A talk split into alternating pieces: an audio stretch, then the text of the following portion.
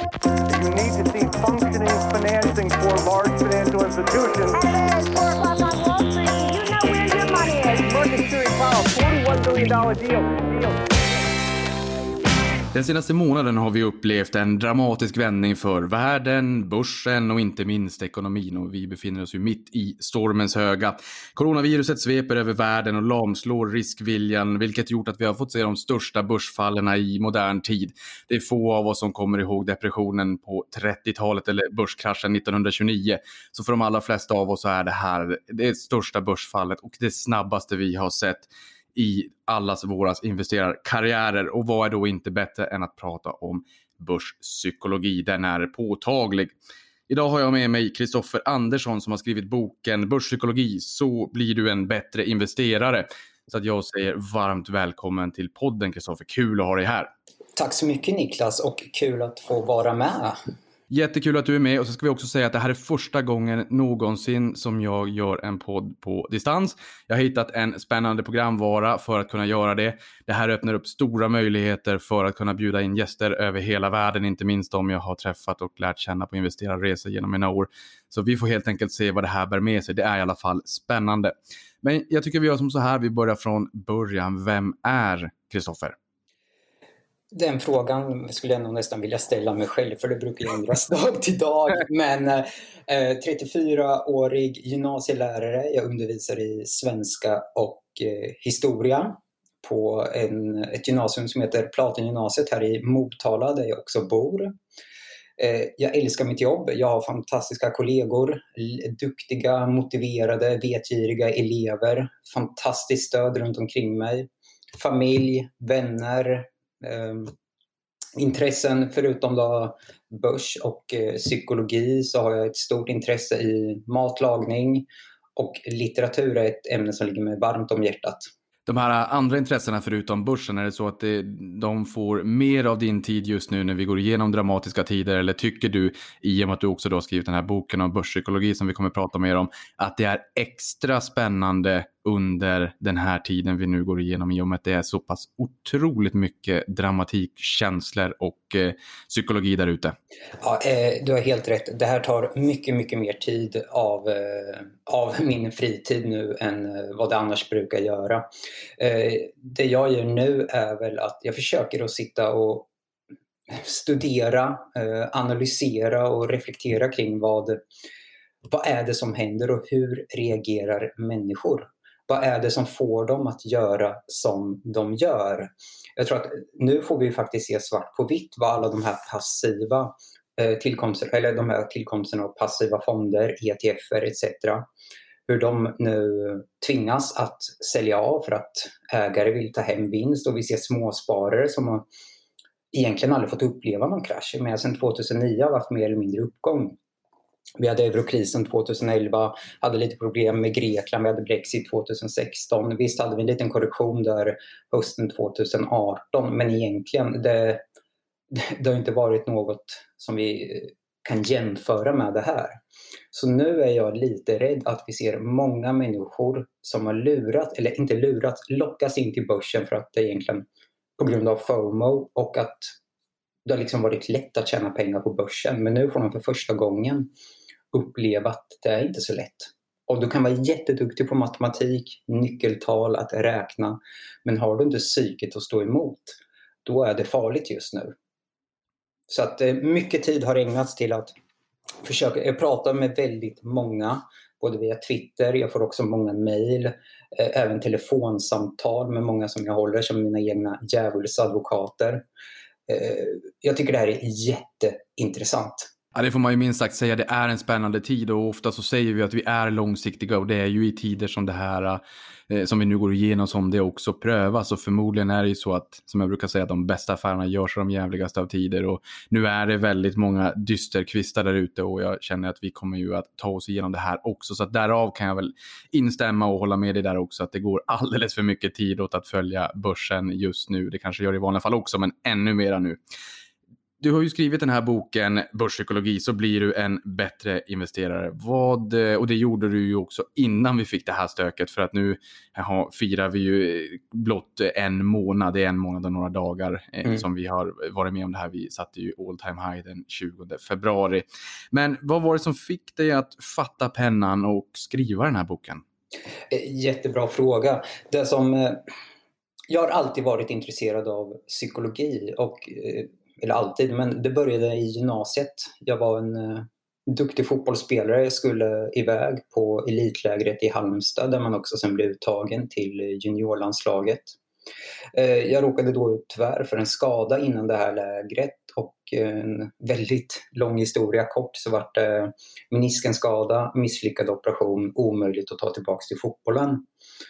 Och eh, det här ställde till det i mitt huvud jag var en prestationskille och jag hade hela tiden identifierat mig med fotbollen. Var jag duktig i fotboll, då var jag en duktig person. Jag var duktig Kristoffer. Eh, kunde jag inte bevisa mig på något sätt, om det så var att vinna ett spel eller springa snabbast eller göra snyggast mål på fotbollen, så då var jag inte värd något. Och det här kom att sätta djupa spår hos mig och jag började här eh, intresserade mig skarpt för psykologi och jag började gå till en psykolog. Och det här kom att pågå ungefär fem år eh, fram och tillbaka med lite uppehåll då och då.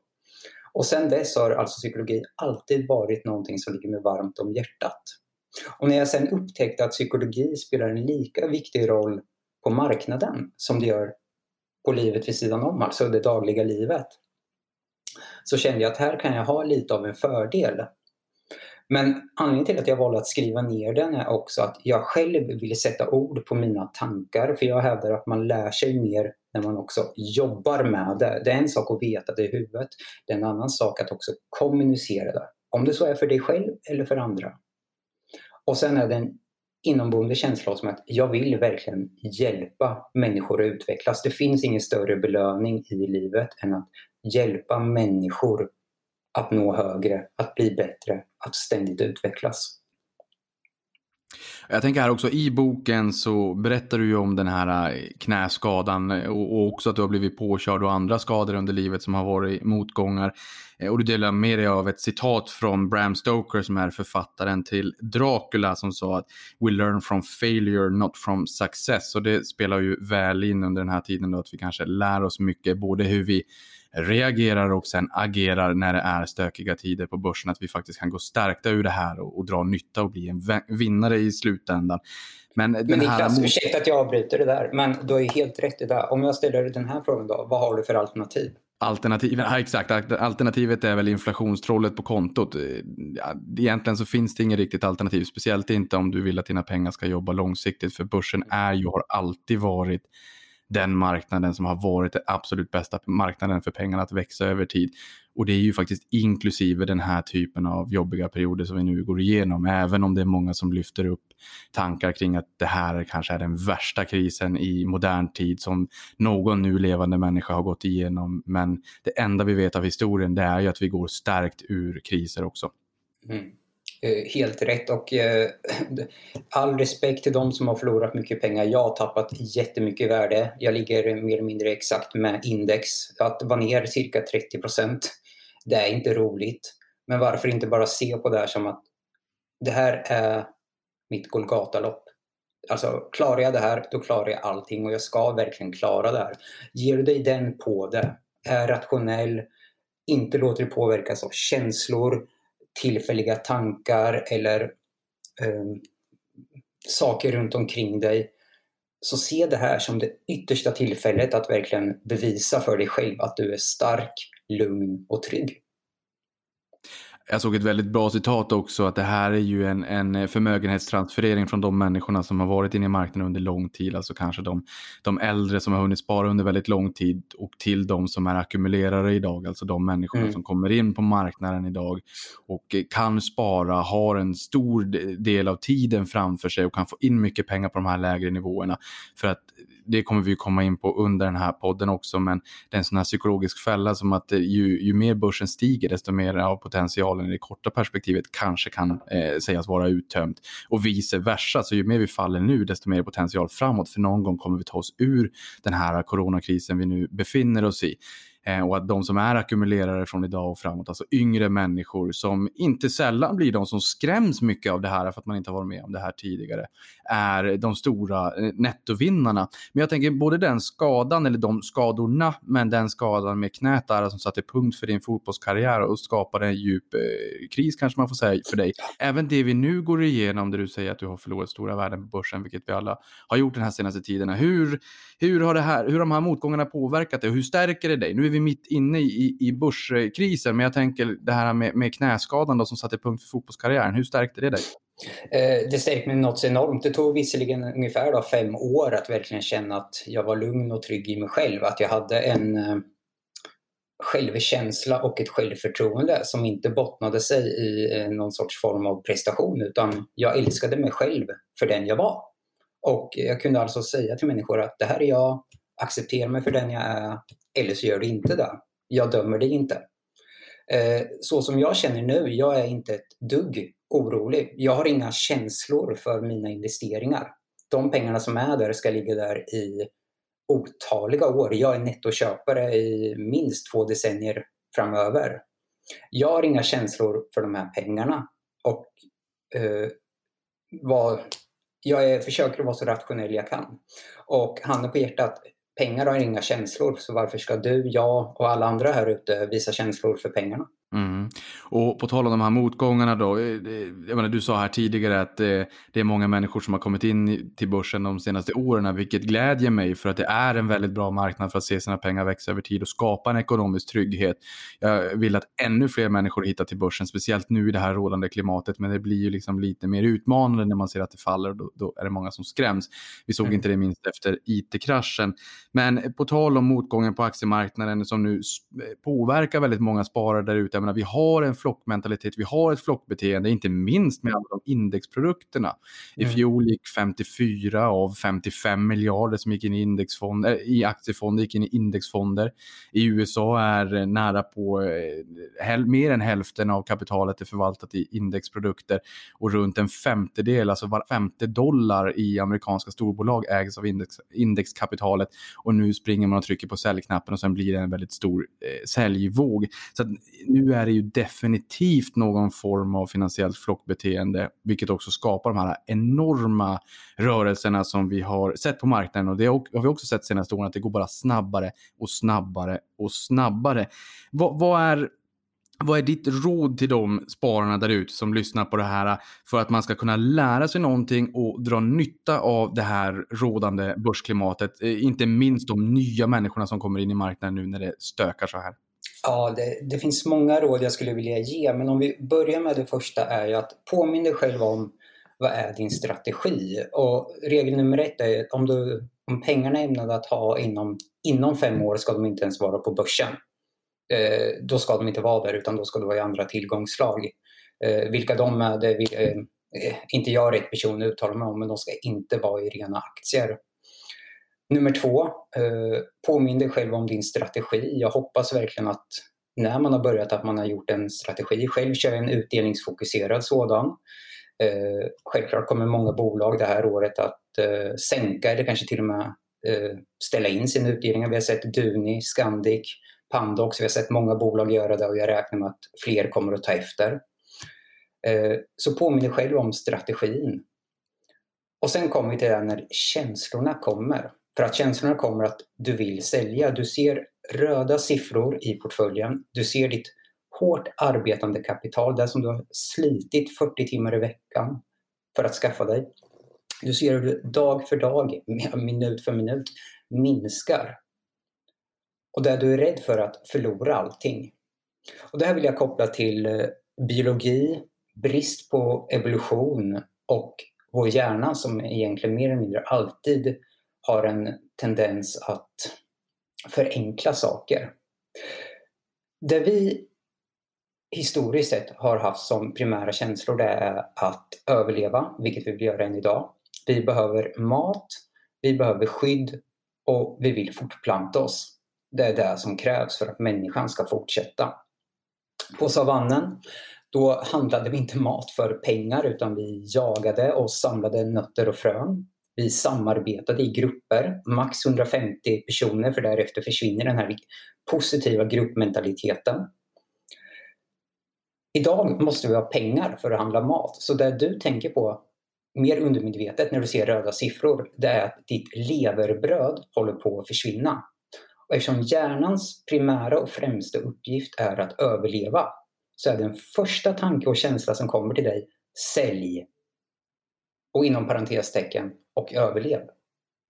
Men om det här är pengar som du klarar dig utan, som är investerade, du har ett buffertkonto, du har ett sparkonto, du får in lön varje månad, finns det ingen som helst anledning att lyssna på de här paniktankarna och panikkänslorna. Tänk istället att det är din reptilhjärna från savannen som pratar till dig. Så det är mitt första, låt dig inte luras av tillfällets nyckel. Ta ett steg tillbaka. Stäng ner skärmen. Sätt ord på dina tankar. Skriv ner dem.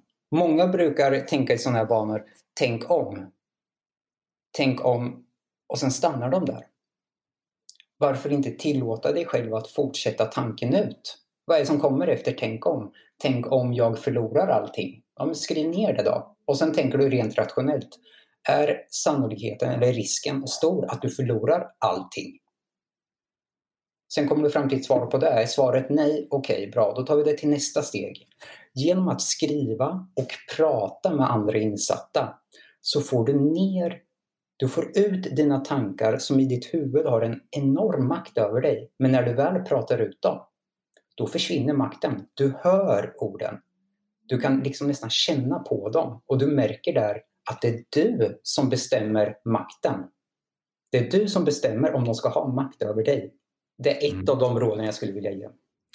Intressant. Du, pratar, du nämner här också kring eh, utdelningar och att du har en utdelningsstrategi och där kan vi ju dra oss till minnes att utdelningar brukar någonstans växa 5 till 7 procent om året de senaste 50 åren på global basis. Alltså att inkomst av kapital eller löneförhöjningen i portföljen har växt betydligt mycket snabbare än inkomst av tjänst, alltså att du säljer din tid till en arbetsgivare rent krasst.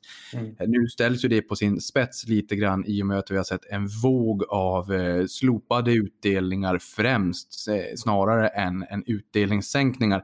Eh, jag vill minnas när vi backar bak till finanskrisen att det var SEB, Swedbank och Electrolux i OMXS30 som slopade utdelningen och sen så återinförde körde den där väldigt snabbt, om det var året eller två år efter, det var året efter i alla de allra flesta fallen.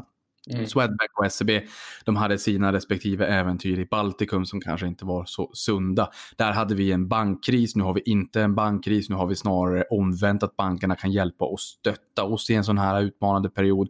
Om än det höjs många röster att det kanske är de större bolagen som får stöttning och att Sverige består av väldigt mycket småbolag där ute. Eh, men, men jag tänker här, när vi ser att många bolag slopar utdelningen och egentligen inte för att de inte har råd att betala utdelningen utan som jag tolkar det mer av en försiktighetsåtgärd. Pengarna finns ju fortfarande kvar. Mm.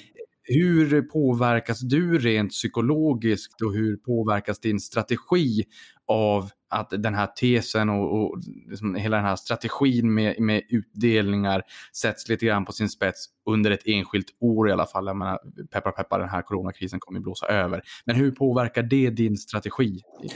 Eh, inte ett dugg om jag ska vara helt ärlig. Har du studerat historia så vet att sådana här saker händer. Eh, min, min plan och min strategi är mycket, mycket, mycket mer långsiktigare än så. Mitt mål är att hela tiden över lång tid ha stigande utdelningar. Och det säger sig självt att det kommer inte vara en spikrakt kurva upp. Ingens liv är perfekt och inget bolags liv är perfekt. Sånt här händer. Det här har jag räknat med. Eh, ett liv går inte i en perfekt utveckling från dag 1 till dag 99 och samma sak med bolagen. Påminn dig själv om långsiktigheten och sen är det ju en annan sak, jag är inte beroende av utdelningarna. Jag har ett jobb som jag älskar och jag får in lön varje månad som jag månadssparar för. Så att jag talar ju också för egen saker. Jag kan inte uttala mig om om man är beroende av utdelningarna. Men jag tycker att är man i en sån sitt där man är beroende av utdelningarna, då ska man också ha räknat med att svarta svanar kommer. Det har historien visat. Så att det här är ingenting som påverkar mig någonting, att jag känner att jag kanske måste sälja ett bolag för de inte delar ut i år. Vänligen återkomma om två, tre, fyra, tio, 15, 20 år. Så tror jag faktiskt att vi kommer se en väldigt fin tillväxt utdelningsmässigt också. Och du ger ju inte veckopeng till din dotter och son om det är som så att du känner att jag måste hålla lite på pengarna nu för annars kommer hela familjen att dra skada. Samma sak tänker ju bolagen. Jag ser ju hellre att mitt bolag är kvar och kan ge mig utdelning nästa år och om två år än att riskera sin existens i år bara för att jag just i år vill ha min utdelning för annars förstör det min strategi. Mm. Jag tror att jag snarare ger mina barn veckoaktier än, än, än veckopeng. Men, men, men det där är ju också jättebra, för jag menar, köper man aktier nu så kommer yielden eller direktavkastningen stiger ju också. Och då kan man ju fundera kring, är det där äh, liksom en, är en hägring? För att på pappret så stiger ju direktavkastningen, men om vinsten sjunker kraftigt så, så innebär det ju kanske att man måste slopa utdelningen eller sänka den. Då. Men samtidigt när vi tar oss ur det här, och det är ju inte om vi tar oss ur, utan när vi tar oss ur så är det ju rimligt att anta att man kommer återgå till en normal historisk vinst också då en, en, om man har en viss utdelningsandel som en andel av vinsten då, att man även går tillbaka till tidigare utdelning och dessutom höjer den då så att eh, man, man, måste våga övervintra. Som sagt, som vi har varit in på att de väldigt bra affärer görs förmodligen nu, även om det är så att börsen kan fortsätta. Och det blir ju mycket det här psykologiska också eftersom att vi inte vet hur vi ska tolka eh, virusspridningen. Det har vi ju globalt varit sist på bollen, många av oss. Det, det är väldigt, väldigt svårt att kvantifiera. Men någon gång, och jag tycker också det är intressant när det är så mörkast, då är det bara de känslorna som får ta överhand övertaget. Det är ingen som vågar tänka positivt i det här läget och tänka vad händer på, liksom, när, vi, när vi lämnar den här mörka perioden. Tänk vad, vad ljust och fint det ska bli där framme. Utan nu är det liksom, börsen brukar bara kunna eh, fokusera på en sak samtidigt och det känns som att många också fokuserar på hur mörkt det är nu. Mm. Ja, men, eh, jag håller med. Det handlar om att kunna lyfta blicken. För se nu, vi kommer att få stopp på det här på ett eller annat sätt. Och det här är jättehemskt det jag säger, men vad är alternativet? Jorden går under. Det, du har ungefär det och då är det skitsamma vem som har mest pengar på kontot för det handlar om konservburkar och vapen då. Och vi ser att amerikanerna i och för sig börjar bunkra lite vapen men jag tror inte det kommer gå så långt. Så att alternativen står ju mellan att vi klarar det här och börsen kommer att utvecklas positivt. Om det sker imorgon, om det sker om en vecka, en månad, ett halvår, det vet jag inte. Det vet ingen. Ingen kan verkligen svara på den frågan. Men jag tror vi alla är beredda att satsa allt vi har på att det kommer att gå över. Mm. Om, vi, om vi bortser från nuvarande kris så har vi sett enorma stimulanspaket nu. Och här vill jag hålla med Sean George, hans senaste intervju i Börssnack med Hysén och Olavi som applåderar eh, Riksbanken, ECB, de gör en jätteinsats nu. Tyvärr är det som så att som du säger, det kommer ju inte de små företagen till eh, gagn, utan det är ju främst de stora här, så att någonting mer måste göras. Vi måste få in med ännu mer fiskala insatser. Men om vi liksom bara ser oss längre fram, med allt som nu finns i marknaden, all likviditet som kommer att finnas, alla stimulanspaket. Jag är lite rädd för att vi liksom har eh, bunkrat in för mycket bensin nu och att det kommer bli en sådan raketstart att det är egentligen ingen som hänger med i den heller. Så att eh, man säger att aktier är ett spel på, med, med lång tidshorisont. Och här börjar många få panik efter knappt en månad. Ja, vi firade väl en månad eh, igår, 21 vi pikade väl 21 februari om jag minns rätt va? Ja, 1905,61 indexpunkter den, den 20 februari så att vi ja. började ju falla framåt eftermiddagen där. Ja, eh, exakt. Om du hade nästan en månad på dagen. Eh, och nu börjar man få panik. En månad av, eh, hur länge hade du tänkt vara på marknaden? Fem år? Tio? Femton? Hade du räknat med att det skulle gå spikrakt? Det är en väldigt bra poäng där att faktiskt kunna vara långsiktig och också tänka långsiktigt. För som sagt, vi har inte ens fått nästa lön som ska in i marknaden, men det har varit ett dramatiskt fall. Vi har nog aldrig, jag, jag tror nog att vi aldrig någonsin har sett ett så här snabbt fall. Jag tittade tidigare här under veckan och insåg då att vi hade tagit 56 procent av hela börsfallet under finanskrisen som då varade under 473 dagar och där börsen föll 58 procent. 56 procent av den nedgången tog vi på mindre än 5 procent av tiden. Så att det har varit spikrakt ner och vi har ju liksom aldrig sett det här tidigare. Och jag eh, noterar också att väldigt många pratar om depression och då vill jag dra mig till minnes eh, förra året, 2019, då, när man firade inom citationstecken 90 år sedan eh, börskraschen 1929. Där man också hade spekulerat väldigt mycket. 9 av 10 dollar på amerikanska börsen var spekulation. Börsen började gå ner, man var tvungen att tvångssälja. Man hade inte insättningsgaranti på samma sätt. Bankerna hade knyckt spararnas pengar för att spekulera på börsen. Man höjde räntorna för att försvara guldmyntfot, vilket gjorde att man fick recessioner globalt. Eh, som spädde på det här. Smooth and holy Act sänkte världshandeln med nära 70 procent. Så att det är också tvistade lärde om det var kraschen på börsen eller om det var allting som hände därefter som gjorde att vi fick den här väldigt jobbiga och djupa depressionen som vi fick på 30-talet. Eh, och som du säger här, vi har ju helt oerhört mycket bränsle eh, på, på börsen nu, både i termer av paket som, från eh, penningpolitiken men även från finanspolitiken. Och jag tror att man har eh, finanskrisen väldigt färskt i minne och man var väldigt, väldigt snabbt ut med den här typen av åtgärder. Så att om det är så att vi får se att viruset blåser över, då finns det nästan risk för, för ett rejält rally som i sig inte heller är sunt om det blir ett alldeles för stort rally. Då måste vi se att man kanske rullar tillbaka vissa av de här stimulanserna. Vi vet helt enkelt inte. Nej, och då är ju frågan, när du inte vet, eh, ska man agera då? Jag menar, eh, att inte agera är ju faktiskt på ett sätt att agera. Sitter du där nu som småsparare eller storsparare om vi ska använda det här begreppet också. Eh, du känner den här lite av aktivitetsbias, du känner att du måste göra någonting. Du måste göra någonting. Du känner den känslan, tankarna, känslorna inom dig. Eh, och som sagt, det är bara tankar och känslor. Det är ingen sanning. Du ger dem makten. Du kan inte bestämma vilka känslor och tankar som kommer, men du kan bestämma hur du ska förhålla dig till dem. Och det är en riktigt fin maktposition. Om du kan göra dig själv medveten på det och veta att nu kom en tanke som säger sälj allting. Tala högt med dig själv. Varför kom tanken nu? Varför tycker jag att den låter rationell för stunden? Beror det på att jag just nu sitter och tittar på min depå hos Avanza och även läser forum där alla skriver att jorden kommer gå under. Ja, troligtvis. Stäng ner datorn, ta en promenad. Det är skitjobbigt, svårt att göra, lätt att säga, svårt att göra, men vad är alternativet? Känner du ändå att du måste aktivera, göra någonting, så kommer vi in på lite filosofisk grej här. Att inte göra någonting, det är faktiskt att göra någonting. Sätt, ja, men det är, sätt dig på skärmen och säg jag vill eh, Gör som så här. Rita ett trafikljus på ett papper. Ha det bredvid eh, din mus vid datorn eller sätt den på en post-it-lapp. Du har grönt, det betyder köp. Rött betyder sälj. Orange, det betyder avvakta. Sitt här och känner att jag, jag vågar inte öka. Men nej, jag vill inte sälja, jag är ju långsiktig. Okej okay då. Tryck på den orangea knappen då har du faktiskt gjort ett beslut. Jag väljer att avvakta. Det är mitt beslut. Så då har du faktiskt gjort någonting, men ändå inte gjort någonting. I eh, boken som du har skrivit så får vi ju stifta bekantskap med Niklas och Kajsa som är den röda tråden genom boken. Niklas är ju den, jag förstår inte varför, som lider av alla de psykologiska fällorna som, som din bok tar upp.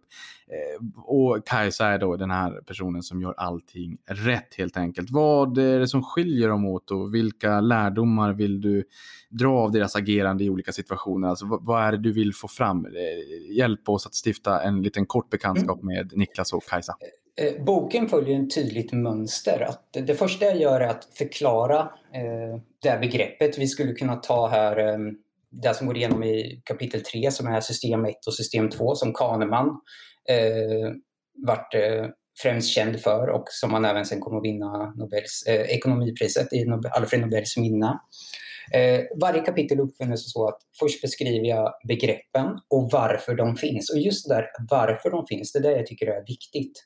Att bara vetskap om att det här finns, men inte kunna förklara varför och hur det påverkar, då är det egentligen en oviktig vetskap, en oviktig kunskap. För när du vet hur och varför en sak fungerar så vet du också hur och varför att förhålla sig till det. Så att varje kapitel börjar med en genomgång om det här. Sen har vi ett exempel från det vardagliga livet.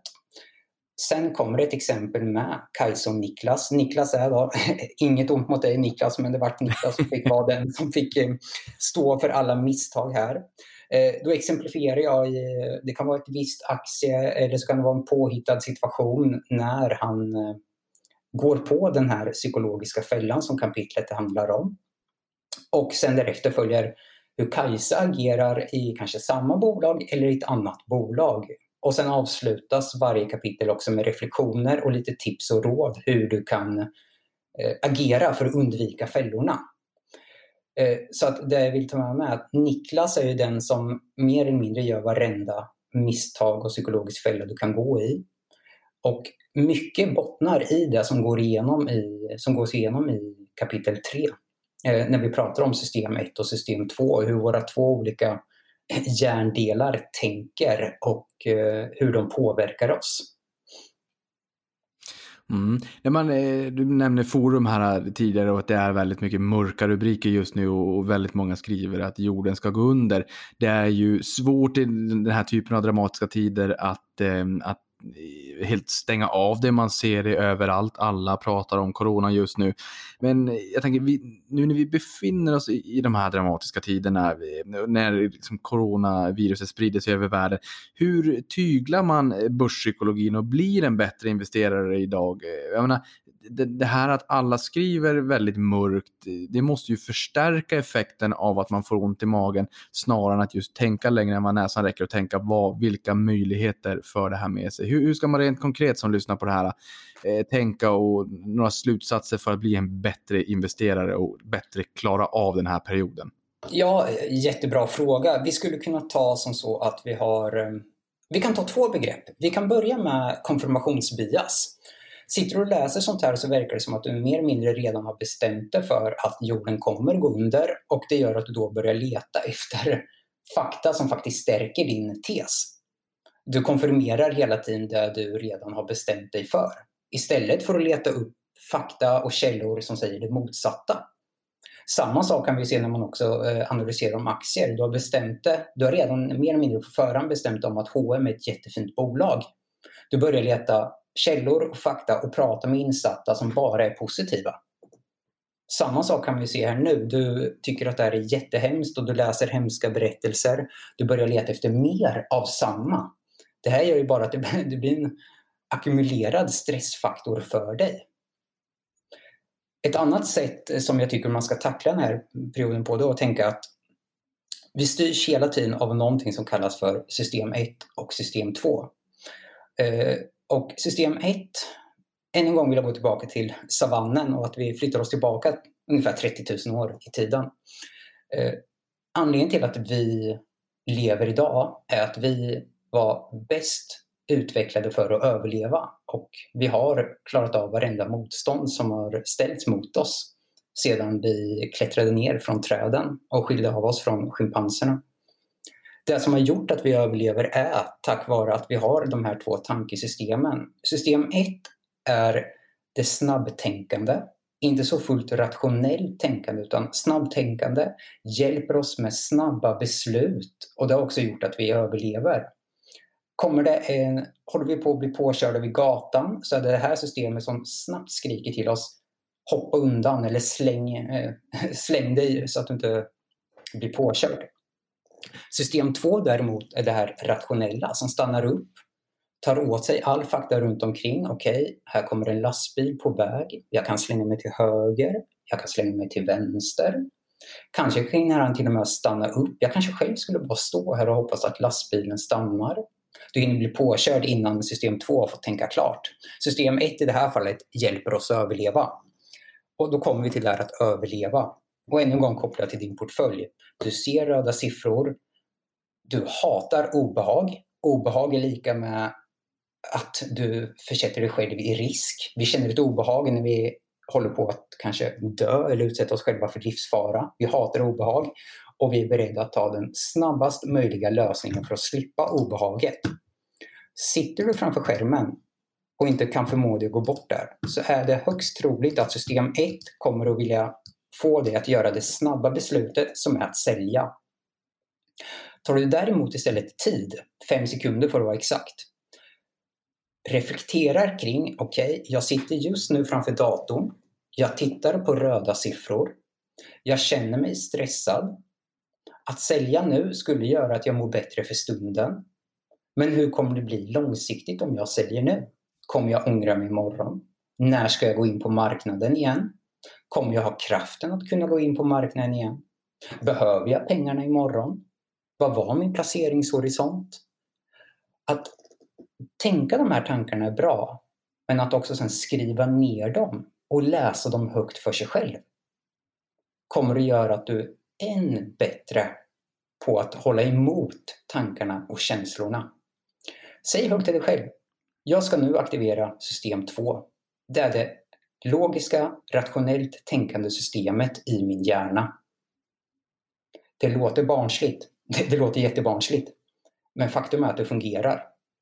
Och i min värld är jag beredd att ta till allting som fungerar för att rädda mig själv från att begå saker som jag kommer ångra redan imorgon. Mm. Bra tips på vägen. Jag har själv handlat en hel del sedan den 24 februari när vi fick nedgången på 4,31 procent där. Vilket också var det största fallet sedan Brexit 27 juni 2016 när vi öppnade i Sverige. Då tänkte man det här var bra. I efterhand så fortsatte ju börsen falla. Vi har varit ner 33,8 procent som mest och då kan ju vissa tycka att nej, men det var inte alls så bra. I, i, med, med facit i hand så var det ju fel och jag håller väl inte riktigt med om det. För som du säger, långsiktighet möjligheten. Jag hade förmodligen gjort exakt samma sak om jag hade backat bak en gång till. Fortsatt köpa på nedgång, fortsatt köpa, vilket jag har gjort under den här perioden. Nu får jag vänta till lönen, för nu, nu har jag snart slut torrt krut. Men jag tänker vissa andra människor i, i sociala medier förstärker den här bilden i och med att det aldrig någonsin har varit enklare att interagera med andra människor som är intresserade av samma sak, alldeles oavsett om man kan mycket eller lite, med lång erfarenhet eller med, med kanske lite, lite mindre erfarenhet. För de som nu känner och Eh, på något sätt möts av det här med mörka nyheter och hela tiden fortsätter att konsumera det mörka, det mörka utan att se eh, de ljusa eh, liksom, nyheterna mitt i allt det här. Typ som Kina, Fedex är ju ett stort eh, logistikbolag som sammanbinder över 99 procent av global BNP. De säger att vi flög 246 flyg till och från Kina här för, för någon vecka sedan. Det är tillbaka på nivåer pre coronakrisen mm. eh, och menar på att 90 till 95 procent av storföretagen är tillbaka och med, med, med 90 till 95 procents kapacitet.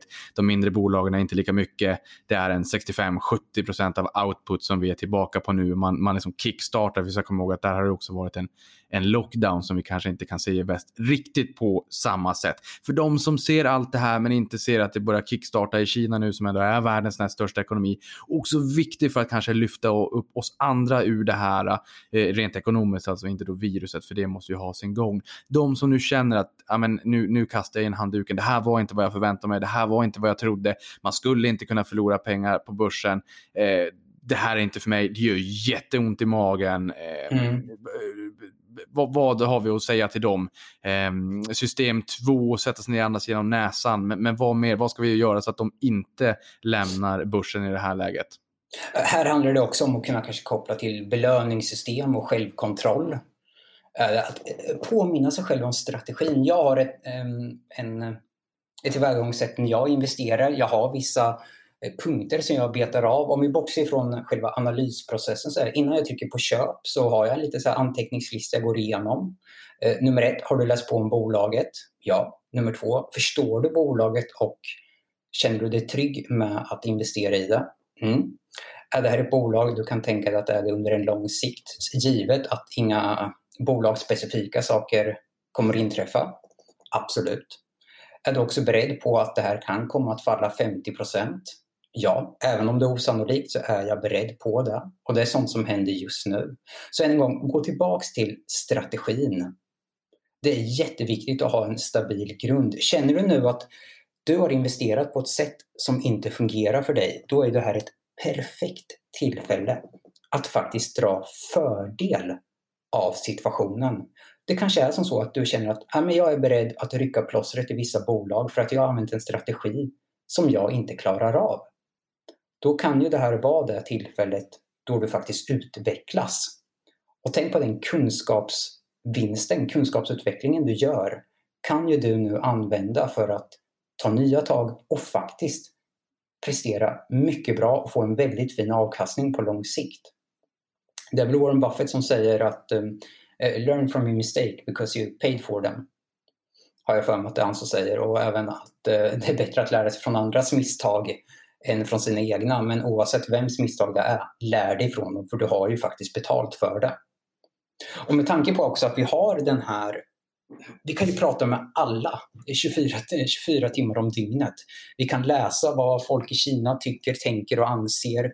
Vi kan samtidigt prata med en i Nya Zeeland, ha Skype-samtal med en i USA och samtidigt prata med mamma på telefon här hemma i Sverige. Eh, det jag är rädd för, som många drabbas där ute, är någonting som heter ackumulationsstress. Alltså att du är stressad som bygger på stress, som i sin tur bygger på stress. Eh, du jämför dig med väldigt många.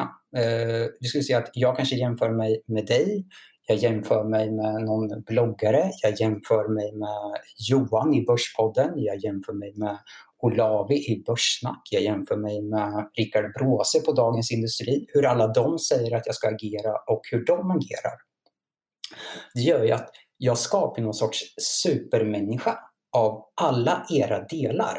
Jag tar det jag tycker är bäst hos dig Niklas, jag tar det jag tycker är bäst hos eh, Bråse, hos, hos Olavi och sen till slut har jag kanske tagit från tio personer som alla har olika strategier, eh, olika innehav, olika långa placeringshorisonter. Vilket jag inte tänker på när jag sätter samman er till mitt eget lilla Frankensteins monster. Och det här jämför jag mig med. Det är självklart att jag kommer att bli stressad, för jag jämför mig med någon sorts supermänniska där ute. Så att frågan är som så här, ställ dig själv, vilka medier vill jag använda och håll dig till dem. Eh, jag läste en intressant artikel av eh, Anders Hansen i den här helgen. Eh, vi spelar in det här på en söndag här nu. Om, han skriver att han lider lite av informationsepidemi och har valt att han läser om corona två gånger om dagen, en gång på morgonen, en gång på kvällen och då läser han bara från WHO och Folkhälsomyndigheten samt eh, eh, forskningsartiklar skrivna av eh, doktorer eller andra med höga universitetsgrader. Det är ett sätt att tackla situationen. Du måste, är du som jag en hobbysparare, långsiktig och har det här som ett fritidsintresse. Det är ingen som tvingar dig att sitta och läsa nyheterna hela tiden. Det är ingen som tvingar dig att sitta inloggad i eh, din depå dag in och dag ut, minut för minut, sekund för sekund. Det är ingen som tvingar dig. Är du långsiktig, stäng ner. Fokusera på livet. Fokusera på att utvecklas. Varje mynt, ett mynt har alltid två sidor. Försök att dra fördelarna av det. Okej, okay, det är jobbigt, portföljen går ner. Vad, har jag vad, kan jag, vad kan jag dra för vin, vinster av det här?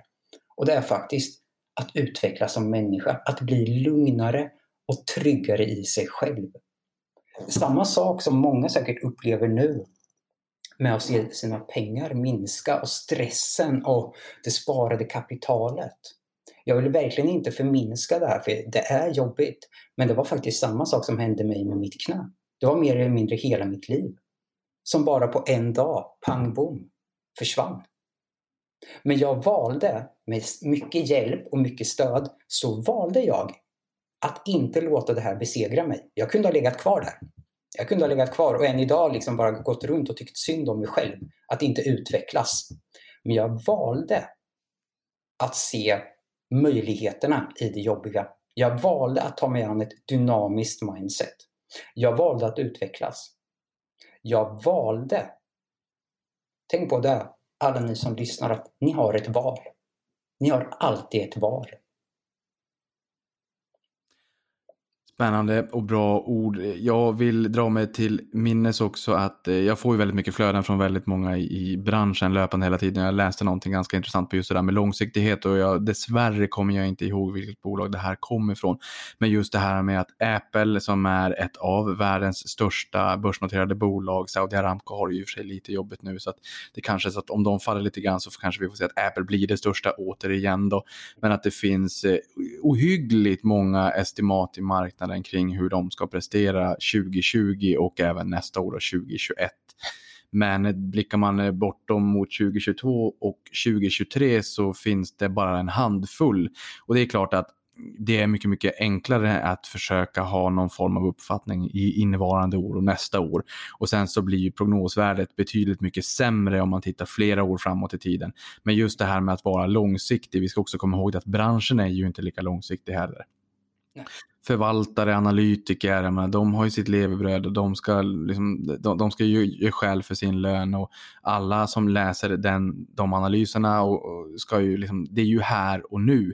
De är förmodligen kanske långsiktiga i sitt egna sparande men, men hela branschen är ju kittad för här och nu, det är nu lönerna ska betalas, det är nu man ska göra all, all, all analys och allt arbete som ligger till grund för eventuella bonusar och allt vad det kan tänkas vara. Hela samhället är ju byggd på en ganska eh, kortsiktig eh, syn. Så här, långsiktigheten på börsen, även om många säger att man är långsiktig, det är ganska få som är det. Och historiskt så har eh, de siffrorna ännu lägre och det är för att hela den revolutionen vi har inom sparande i Sverige med att väldigt många människor, alltså att vi har liberaliserat sparande, det här är ju ett nytt fenomen senaste eh, 20-30 åren. Backar vi bak 30 år i tiden, ja då var det nog ganska svårt för dig att ha varit långsiktig på börsen under de senaste 30 åren när det kunde kosta 3, 4, 5, 6, 7, 800 kronor att köpa en aktie. Så där ska vi också komma ihåg att det här med långsiktighet är ett relativt nytt fenomen och det är inte så många som är långsiktiga, speciellt inte i branschen och man måste ju våga vara långsiktig tycker jag. Helt rätt, helt rätt och eh, man, man, kan inte nog betona det här att jag får tankar, du får tankar, du har känslor, jag har känslor. Men ännu en gång, du måste inte följa dem. Och det är minst 50% känslor och tankar och inte bara ettor och nollor när det kommer till investeringar. För du kan vara hur duktig matematiker och analytiker som helst, men har du inte psyket så spelar de kunskaperna tyvärr ingen som helst roll. Ta som så här, jag har ett kapitel som heter Ordets makt över psyket. Många, jag kan nog tänka mig att många förvaltare har det här måste. Lyssna på ordet måste. Det är rätt så negativt. Det är rätt så negativ klang i det ordet. Jag måste. Jag som eh, småsparare, hobbyinvesterare, jag måste inte slå index. Och vill jag, eh, och är det som så att index är det jag vill följa, då kan jag investera i en indexfond. Men jag är mer som så här att jag investerar, jag vet att jag troligtvis inte kommer slå index. Och då kommer jag säkert få motfrågan, men varför investerar du då själv? Varför följer du inte en indexfond? Eh, men jag är beredd att ta alternativkostnaden, för jag tycker det är så kul. Och sen är just utdelningarna, jag vill faktiskt själv få utdelningarna för att själv bestämma vad jag gör med dem. Men om vi bortser från det så har vi det här måste. Jag måste sälja. Vem säger det? Vem säger att du måste göra någonting nu? Är du inte belånad, har ingenting ändrats förutom det här corona, då måste du ingenting. Så att, tänk på vilka ord du har. Jag, har. jag är ett misslyckande. Nej, du är inte ett misslyckande. Se misslyckande som möjlighet till att lära dig. Misslyckande, att misslyckas, det är något statiskt. Se det istället som lärdomar, någonting som du kan utgå från och fortsätta växa. Eh, jag drar lite så sportmetaforer men tror liksom att Tiger Woods föddes som, en fulländad, som ett fulländat golfproffs. Tror att Michael Jordan föddes två meter lång och kunde göra en slam dunk vid första andetaget. Tror du inte att han hade sina dåliga tider, folk som inte trodde på honom, misstag. Eh, det är ju så irrationellt att tro och tänka så. Ingen av oss är mm. perfekt. Jag tycker att det är bra det där Buffett-citatet du har också, learn from your losses you paid for them. Därför att om du inte lär dig någonting, ja men då, då blir det ju ingen lärpeng utan då blir det väl kanske det här klassiska uttrycket som man pratade om för några år sedan. Ungdomarna i alla fall, när man vaskar saker och ting, då blir ju inte de pengarna värda någonting. Och jag menar, definitionen av idioti är ju att göra samma sak gång på gång på gång och förvänta sig ett annorlunda utfall. Så just mm. det här att det här är också väldigt spännande tider för att faktiskt lära sig hur man reagerar och sen agerar. Jag vet under finanskrisen så i större utsträckning så, ehm, så eh, svängde mitt humör med börsens utveckling och jag var inte jättegammal på den tiden, 5, 6, 7, 8, 21 kanske där någonstans. Lika, lika glad i hågen när det kom till sparande och investeringar då som vad jag är nu och sparade eh, halva lönen då också. Tyckte att det här var väldigt roligt men mitt humör svängde väldigt mycket med börsen. Men någonstans så blir det nyttigt att lära sig hur man reagerar och sen agerar och hur man vänder det här till sin fördel. För just nu vi ska också komma ihåg att det är ju skillnad på ett bolag och på en aktie. Bolagets fundamentala utveckling, det beror ju liksom på försäljning, marginaler, vinst och vart bolaget är på väg. Och det är klart att det, det här coronaviruset och att vi stänger ner eh, liksom länder och stänger gränser, det får en ohygglig påverkan på bolagen eh, kortsiktigt. För varje dag som går så, så blir ju den, den risken eh, ännu större. Men, men det här här är vi också medvetna om och förhoppningsvis så inser väl även politikerna också att vi kan, in, vi kan liksom inte hålla stängt hur länge som helst. Och du var in här på tidigare också med, med Greklandskrisen och hela monetära unionen och EMU-kollapsen som vi var rädda för 2011 och USA sänkta kreditbetyg, Brexit. Vi har haft jättemånga oroliga, olika oroshärdar och eh, kinesisk värdering och kinesisk skuggbanksystem och allting. Men vi har ju liksom alltid kommit eh, kommit ur det på något sätt. Och, eh, jag menar, därför är det här ju en nyttig erfarenhet liksom, att lära sig hur man reagerar och sen agerar. För att eh, det kommer att vara så här, eh, liksom, för att bli framgångsrik på börsen så krävs att man också kan tygla sina känslor. Och det här med jag menar att det är skillnad på bolag och på aktier. Bolaget, liksom, det är ju människor som faktiskt går till jobbet, kanske inte om det, om det är en lockdown, men i normala fall går till jobbet för att skapa ett värde. Aktier är ju bara allas inbakade förväntningar av vad som ska hända och just nu så råder det masspanik. Jag, vet, jag var på på, en, en after work kan man väl inte säga att riktigt var, men i min grupp där jag jobbade. Det var någon escape room, man skulle bryta sig ur.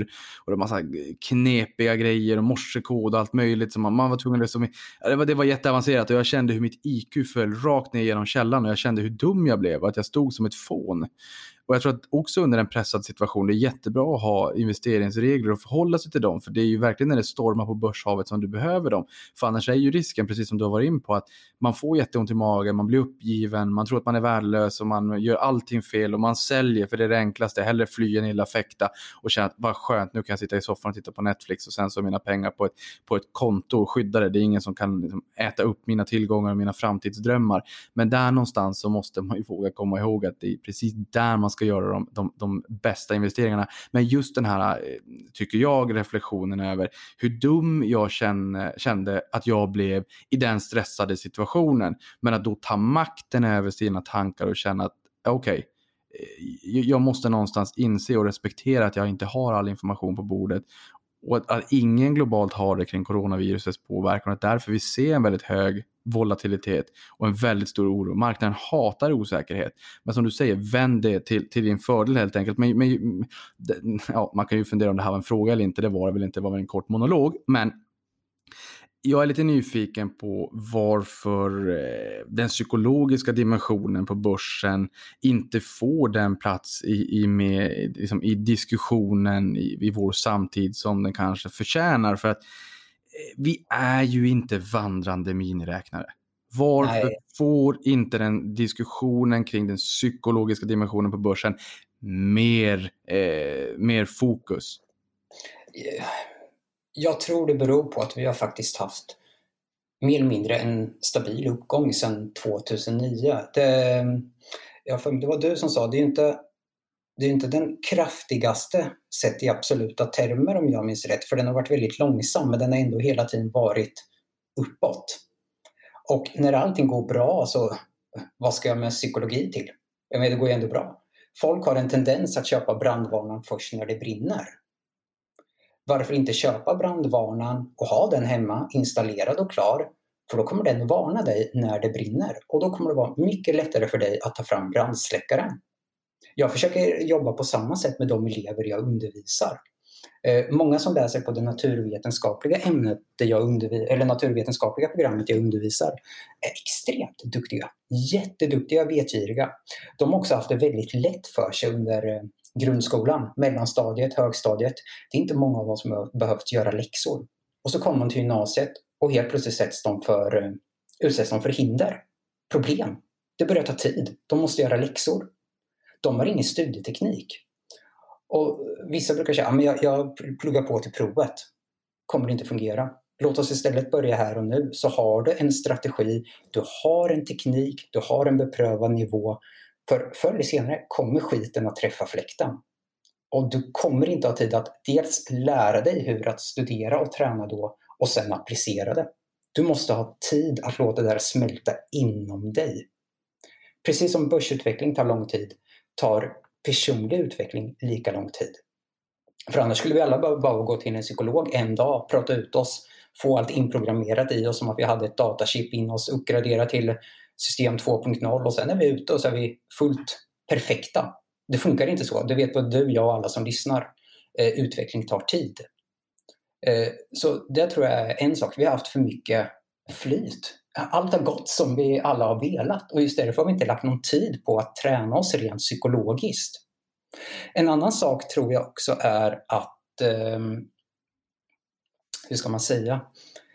Eh, jag tror många också har övergått till att tro att eh, allt mer går på algoritmer eh, och eh, datorer som styr. Men det vi ser här nu är ju faktiskt att datorer, algoritmer, börshandlande fonder som går på nyckeltal och vissa insatta kursnivåer. De agerar ju på det som en människa har programmerat dem för. Och det här skapar en stress hos småspararen som inte vet hur den ska agera. Själv tycker jag det är jätteintressant att kunna se Hexpol. Eh, jag ser eh, Beijer Alma på väldigt attraktiva nivåer. Självklart gör ju de en mycket sämre vinst i år än nästa år.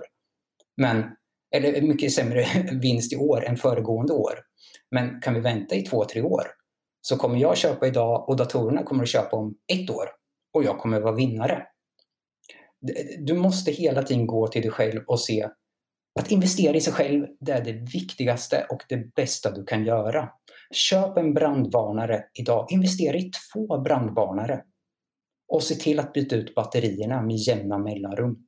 Så kommer det inte vara svårt för dig att hinna nå brandsläckaren innan elden bryter upp. Mm. Jag får en, liksom, en, annan liten jämförelse, jag bara måste dela med mig av det också. Spararna, äh, spararna då, man har, alla har väl sin dator hemma. Det är ju att det är väldigt många som köper virusprogram när man har fått virus. Samma sak. Eh, och på tal, om, på tal om det, liksom, att vara en miniräknare eller en strängt kalkylerande, nyttomaximerande investerare individ. Eh, hur rationella är vi egentligen? Eh, vi är verkligen inte ett dugg rationella. Eh, man skulle kunna gå in och kolla här hur vi dels kan lura oss själva med framingseffekten. Hur allting presenteras för oss. Eh, om du läser en analys där förvaltaren tydligt trycker på att vi ser en 30-procentig uppsida härifrån och betonar alla fördelar. Och sen läser vi en analys från en annan förvaltare om samma bolag. Där de säger att förvisso finns en uppsides på ungefär 30 procent. Men, och så radar de upp alla negativa saker som kan inträffa. Det har ju dels med att göra hur saker presenteras för oss och hur vi väljer att tolka. Vi är också väldigt, eh, vi är väldigt riskaverta också. Vi, det svider för oss människor att ta en förlust mer än den sköna känslan av att vinna.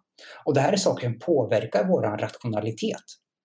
Och ännu en gång vill jag återkomma till här, liksom, skriv ner.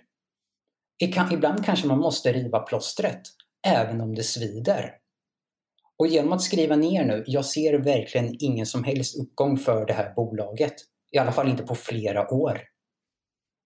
Jag tror nog att jag måste acceptera förlusten och använda pengarna i ett annat bolag där jag ser en enorm uppsida.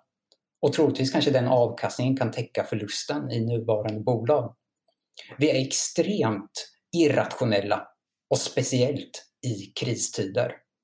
Eh, alla ska springa till hissen. Alla följer alla. Ingen vet vem ledaren är. Alla följer bara flocken. För där är ännu en gång är vi tillbaka på biologi och brist på evolution. När vi levde på savannen kunde ingen av oss överleva själv. Vi var beroende av varandra. Du klarade inte av att jaga, leta mat, fortplantning är ju lite svårt när du är ensam. Eh, bygga skydd, ha skydd under natten. Allt det här var du beroende av från dina medmänniskor i gruppen. Du var alltså beroende av flocken. Och vad är det som är den största risken för dig på savannen? Jo, det är att bli lämnad utanför flocken. Och just därför är du beredd att följa flocken. För du är livrädd att vara ensam. För att vara ensam har historiskt varit lika med död. Så det är viktigt att tänka på sin egen roll, sin egen position och agera utifrån sig själv. Och om det nu är som så att ditt agerande är faktiskt i linje med flocken, då är det en tillfällighet. Men du ska inte ta ett beslut på grund av flocken. Vi, vi kan ta när du går på en... Um, vi är nere i Spanien. Nej, vi är inte i Spanien nu med tanke på... Det är lockdown. Nej, exakt, det är lockdown. Och det är svårt egentligen att gå på någon restaurang idag. Men jag tycker ändå vi ska stödja eh, restaurangerna. Eh, om vi går ut i Stockholm idag och vi ser, eh, så går vi på Biblioteksgatan eller någon annanstans och vi, vi är i Gamla stan. Och det finns två restauranger. Den ena är fullsatt och den andra finns det inte en enda människa på. Vilken kommer din eh, sam... Det är fru nu Niklas, eller sambo? Sambo. Sambo, ja, det kanske snart är dags. Ja, om det inte hade kommit ett börsfall. Vigselringen får vänta alltså. uh, ja, uh, din sambo här, du frågar henne vart vill du äta? I nio fall av tio kommer hon säga jag vill gå på den där restaurangen och så pekar hon på den fullsatta. Varför vill hon gå dit? Jo, för alla andra är där. Troligtvis måste ju den vara bättre än den som är tom. Men det... det finns ingen rationalitet bakom det där. Alla köpte Fingerprint. Jag tror, jag tror inte ens hälften av alla de som köpte visste egentligen vad bolaget gjorde och varför de var värda där de var. Och sen när några började sälja så följde alla efter de som sålde. Ingen visste egentligen varför, men det var någon som sålde och det är lika bra att ta efter. Titanic sjönk. Alla började springa hej vilt och alla sprang efter. Men det var två som var smarta och begav sig längst bak och hängde där på den där lilla flotten tills räddningsbåtarna kom. Ja, det är riktigt intressant. Jag har mina spaningar där också. Min sambo där när vi är på affären. Om det är två olika produkter bredvid varandra så är det självfallet så att hon vill ha den produkten där det bara är några få eh, eh, stycken eh, förpackningar kvar. Och det kan ju vara så att de är jättepopulära, har gått jättemycket. Eller så kan det faktiskt vara så att de har varit där superlänge och produkten bredvid som är ungefär likadan men som är helt det är fullproppat. Det är kanske för att det är sån åtgång, alltså en omsättning på dem. Så att det är helt fullt för att det har kommit en ny leverans. Mm. Vi, vi brukar ha den typen av, av, diskussioner. Det är ett jättespännande exempel. Du tar upp det samma sak med man står vid rödljuset. Om jag inte har tryckt på knappen eller inte, det kommer inte personen som kommer och ställer sig bredvid mig riktigt titta på. För hon eller han kommer lita på att jag har tryckt på knappen. Eh, och sen så ju fler människor som kommer dit, desto mindre sannolikhet tror jag att man tittar på att någon har tryckt på den där knappen. Och går jag så, så bryter jag också en ytspänning och då kommer väldigt många följa, följa med mig. Så att det, och jag brukar ta det exemplet om man sitter på en föreläsning och det börjar ljuda ett alarm och alla springer till vänster. Då ska det mycket till för att jag ska våga springa till höger och vara contrarian på, eh, på börsen exempelvis eller i den här föreläsningssalen. Då.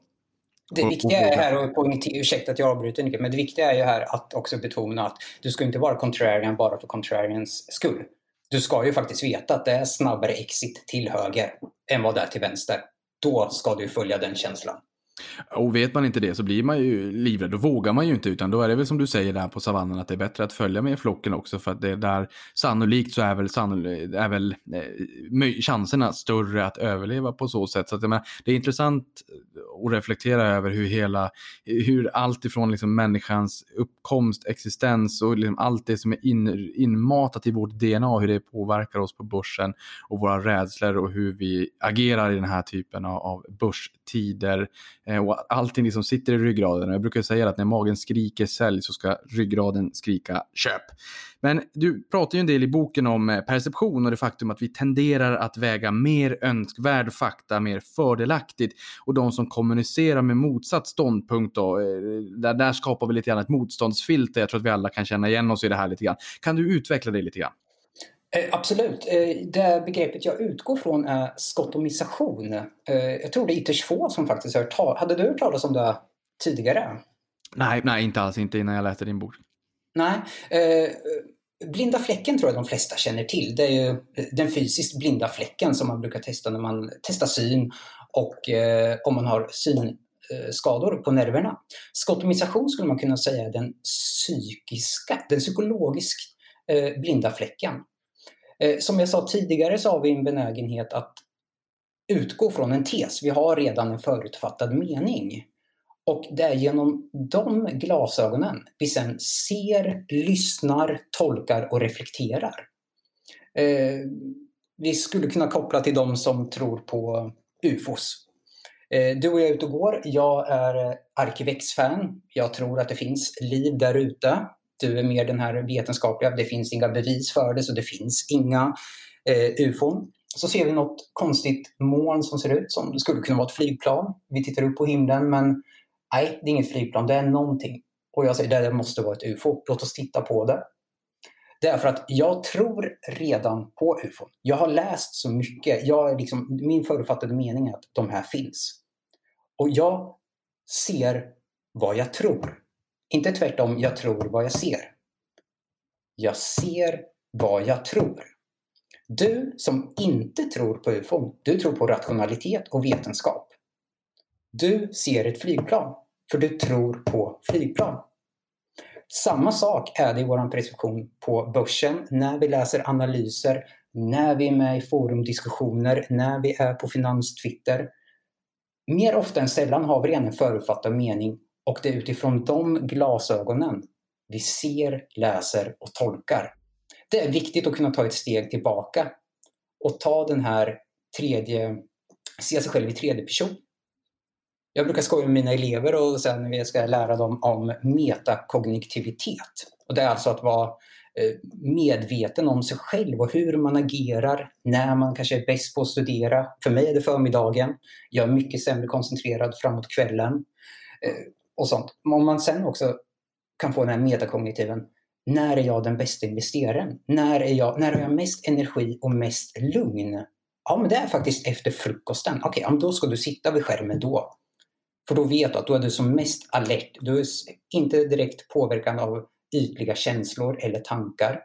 Om du däremot är den där trötta framåt eftermiddagen, du har inte ätit mellanmål, blodsockret är lågt, chefen har skällt ut dig, affären gick åt skogen och så slår du upp Avanza eller om du är på Nordnet eller någon annan bank.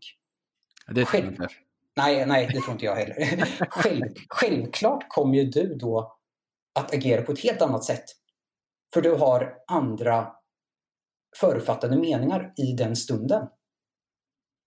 Så det här skottomisation, det handlar om att hela tiden kunna ta ett steg utifrån dig själv. Tänk att du sitter kvar i stolen du sitter i nu. Och sen så tar ditt andliga jag ett steg tillbaka och observerar allting från tredje person. Det är en väldigt roligt tankeexperiment att göra. Gör samma sak innan du ska trycka på köp eller sälj. Okej, okay, här sitter Kristoffer. Han är beredd att trycka på köp. Han tror sig ha gjort sin analys. Um, han sitter just nu och tänker, ska han lägga där säljkursen ligger eller ska han försöka vinna de där extra procentenheterna? Alltså bara genom att ta den eh, tiden och också att se sig själv från flera olika perspektiv och vilka förutfattade meningar man har så minskar du riskerna för att göra de där misstagen som du redan minuten efter kommer att ångra. Utöver det här filtret då att man liksom väger fakta på olika sätt, att man tenderar att väga fakta mera, eh, liksom de, det man vill höra, att det, det är liksom det blir mer värt på något sätt då att de som är av motstånd, eh, motsatt åsikt, de, eh, där lägger man på ett litet filter. Förutom det, liksom att hur man tolkar fakta som blir sagt till mig, så att säga, eh, så letar man ju också information när man ska göra en investering. Och här pratar du lite grann om confirmation bias, så att vi aktivt letar efter bevis, teser och fakta som stödjer den egna tesen, mm. inte efter underlag som, som motbevisar den. Alltså att om man är intresserad av ett bolag att förutom att man är intresserad av eh, bam, bam, bam, olika skäl, att man också aktivt letar till, men vad säger kritikerna? Så att man, man väger in det också och gör en rimlig bedömning. Även om man har tre, fyra, fem positiva punkter, att man åtminstone hittar en, två negativa så att det blir mer balanserat. Det är ju vi tenderar ju kanske att inte göra det i och med det här confirmation eh, bias. Då. Men ta sånt här, hur många, alltså när du köper en bil, eller fastän, ta när du köper en telefon. Hur många går bara in och köper en telefon? Hur många sitter inte och kollar kanske på Youtube efter recensioner, läser andra användare, både läser för och nackdelar? Varför gör du inte samma sak med en aktie? Folk har, det verkar vara mycket lättare för folk bara liksom, ja men jag köper. Jag har läst gott om det. Jag, jag skulle, skulle kunna svara att de personerna skulle aldrig göra så om det vore en bil. Då skulle de verkligen leta upp alla för och nackdelar med bilen, väga de här mot varandra och sen ta sitt beslut vilket vi också borde göra på börsen. Det blir lite jobbigt att det finns runt 70 000 aktier globalt eh, och en tusen i alla fall i Sverige på, på alla listor och en nästan 400 på Stockholmsbörsen. Men eh, ja, helt klart, man borde ju man, man borde tänka till lite mera och också som du tipsar om i boken att faktiskt sätta sig ner och skriva upp sina lärdomar som man har dragit från det att man har köpt så att man kan backa tillbaka och bli en bättre investerare och inte bara agera i blindo. Men eh, du pratar lite grann eh, i boken också om eh, psykologiska fäll, fällor självfallet och börspsykologin, det är det hela boken handlar om. Men, men klassiska psykologiska fällor, finns det några sådana som vi trampar på gång på gång på gång på gång som du skulle vilja få mina lyssnare att, att undvika en gång för alla? Hybris är väl något som jag tycker är väldigt vanligt förekommande. Eh, där vi inte får glömma bort att aktier, det bottnar ut i en sannolikhet. Den som kan räkna ut den som kan räkna på sannolikhet har en fördel. Men vi kan aldrig vara 100% säkra på att det så kommer bli fallet. Det är lite så här fooled by randomness. När det går bra då har vi en tendens att hylla oss själva. Vi får den här self-attribution bias, alltså att jag var anledningen till att det gick så här bra. Det var min analys. Det var jag som hade gjort ett riktigt bra jobb och nu blir jag belönad. Jag är störst, bäst och vackrast. Går det däremot käpprätt åt skogen, då var det otur. Det var inte mig det var fel, det var inte min analys. Det var något annat, något i periferin. Det var otur.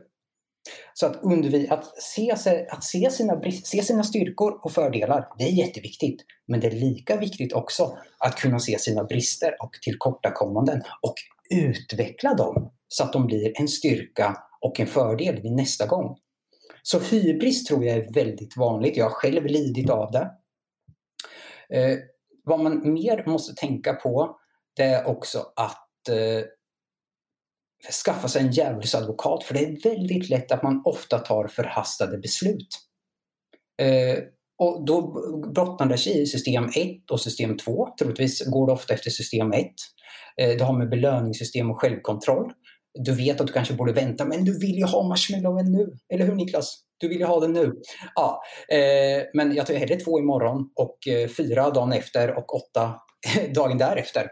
Eh, så att också skaffa sig en stabil kontakt, en djävulsadvokat, vars främsta uppgift är att ifrågasätta dina analyser och dina slutsatser.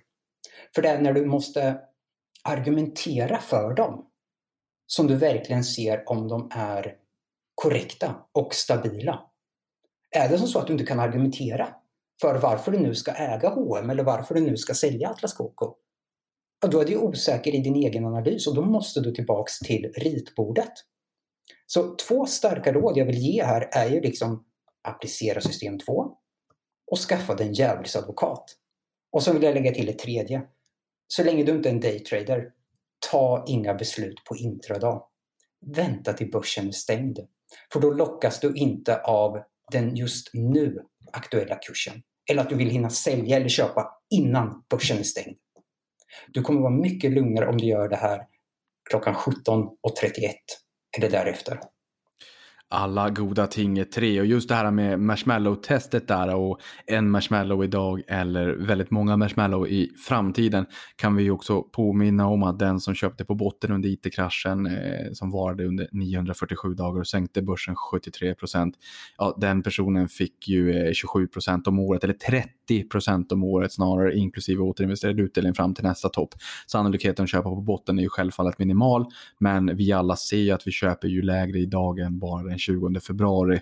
Sen är vi ju medvetna om att vinsterna kommer falla dramatiskt under en kortare period och att det kommer få en långtgående påverkan. Men, men också att historien visar ju på att vi har hämtat oss tillbaka. Vi springer ju inte runt med skygglappar och, och spjut och jagar mat på savannen utan vi sitter här med en dator och massa eh, häftig inspelningsfunktioner eh, och utrustning och padda och iPhone och allt vad det kan tänkas vara. Eh, så att vi måste också tänka eh, lite mer långsiktigt att när det är som jävligast som sagt och görs de bästa affärerna köpte man botten finanskrisen så fick man eh, 23,37 procent om året fram till nästa topp för att vara exakt. Och det är just när magen skriker sälj så ska ryggraden skrika köp. Sannolikt sannolikheten att man köper på botten är förmodligen minimal och det är väl kanske jobbigt för dig och mig som har en del av kapitalet på börsen redan. Men likväl så är både du och jag ung. Jag fyller 33 nästa vecka. Jag vill bara glömma det. Du är 34. Du är lite äldre än vad jag är. Eh, men just det där, vi är... Erfaren Niklas, erfaren. ja, exakt. Men vi, är, vi är on the buy side of life. Så att eh, jag ser ju snarare att den här nedgången eh, ökar upp min förväntade förmögenhet i framtiden för att jag får in mer pengar till, till en, en, en lägre kurs. Och du pratar om Atlas Copco också eh, och där var det intressant att under finanskrisen, de klarar sig i relativa termer bra för att de har en ganska eh, effektiv eh, kostnadsbas. Eh, det här är en utsvävning, men, men runt 70 procent av de kostnader som de har när de sätter samman en produkt det kommer från underleverantörer. Så att man någorlunda kostnadseffektiv. Och det är väl det marknaden gillar med Atlas Copco bland annat. Men, men där såg vi vinsten eh, fluktuera minus 50% plus 40, minus 30, plus 30. Eh, och det till trots så under botten finanskrisen, ett så stort bolag som Atlas Copco, ett av Sveriges största börsbolag, kunde leverera 26% om året från botten fram till toppen. Så det visar bara vilken dramatisk effekt det får när man vågar gå mot stormen mitt i skärselden, stormens öga och våga göra de här affärerna när alla andra säger att världen är på väg att gå under, depressionen är på väg, alla kommer att bli arbetslösa, våra äldre kommer att dö eh, och livet och, och världen kommer aldrig någonsin bli eh, sig lik igen och då ska man kanske våga eh, vara där. Men en fråga här är väl, vilka miner har du gått på? Oj, det har varit många. Hybris, när jag började så tänkte jag mm, nej, men jag vill bli miljonär och jag vill bli det snabbt. Uh, uh, mer eller mindre färdigutexaminerad som lärare mer eller mindre gick jag också all in i Shamaran ehm, 2000, våren 2013. Eh, köpte på kurs 207 om jag inte minns helt fel. Fyra, fem veckor senare sålde jag på 3,14 och då hade jag ökat under hela gången. Fick en jättefin vinst. Och då kände jag att det här är ju lätt. Jag är kung. Fasen, det, det är liksom, jag kommer nå miljonen innan sommaren på det här. Fasen, att inga andra jag kör, det fattar jag inte. Jag måste vara en naturbegåvning. Och så letade jag upp något nytt bolag som jag fick höra om i något forum. Det var något ryskt oljebolag. Jag kommer inte ihåg namnet.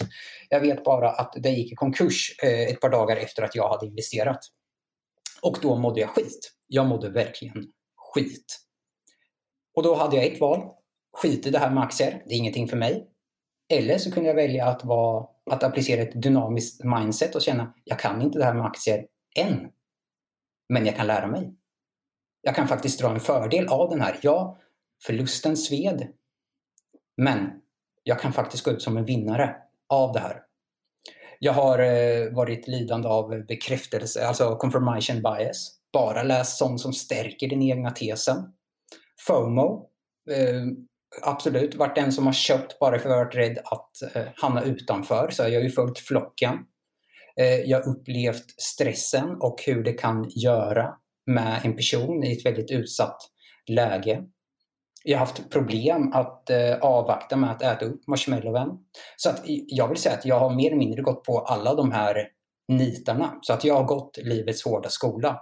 Så jag är inte någon perfekt investerare. Eh, nej, verkligen inte.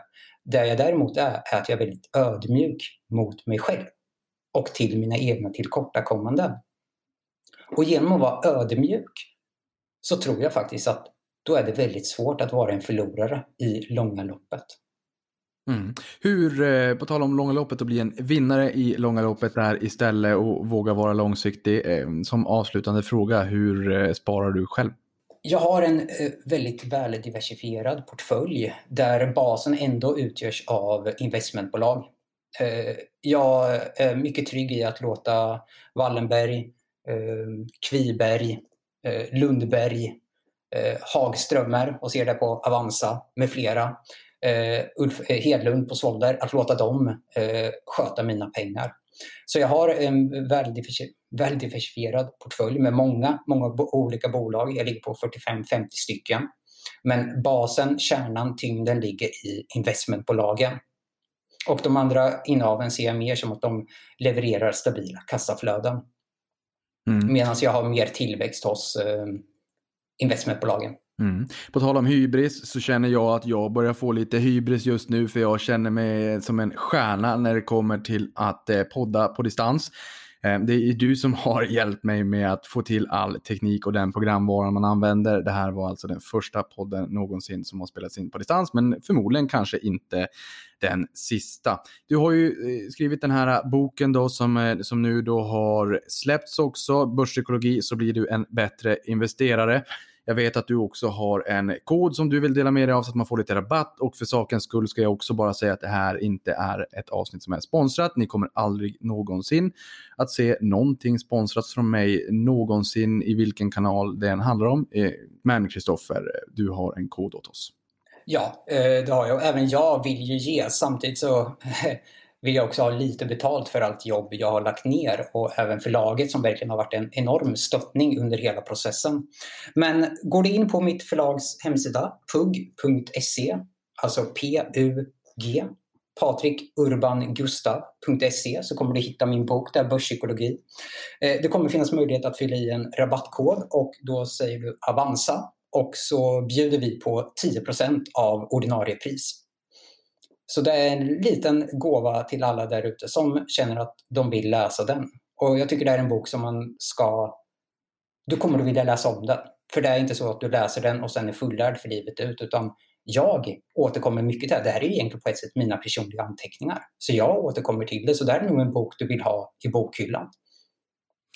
Ja, det är ju fantastiskt trevligt att jag fick ju förmånen att läsa den här boken under förra sommaren och då var det ju när du höll på att arbeta med den här och då kunde ju varken du eller jag veta att det skulle bli en coronakrasch allt det, eller för den sakens skull ett priskrig på olja mellan Saudiarabien och Ryssland. Men så som mycket annat här i livet så blir det ibland en perfekt timing. Vi har både en perfekt storm men också en perfekt timing när det kommer till den här boken och börspsykologi när det stökar till som kraftigast. Så jag vill bara säga tusen tack Kristoffer för att du gästade podden och eh, berättade och lärde oss lite mera om eh, börspsykologi och dessa tassemarker som det så sällan pratas om. Tack!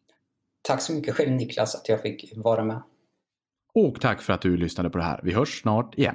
Money has emergency power, $41 billion deal. deal.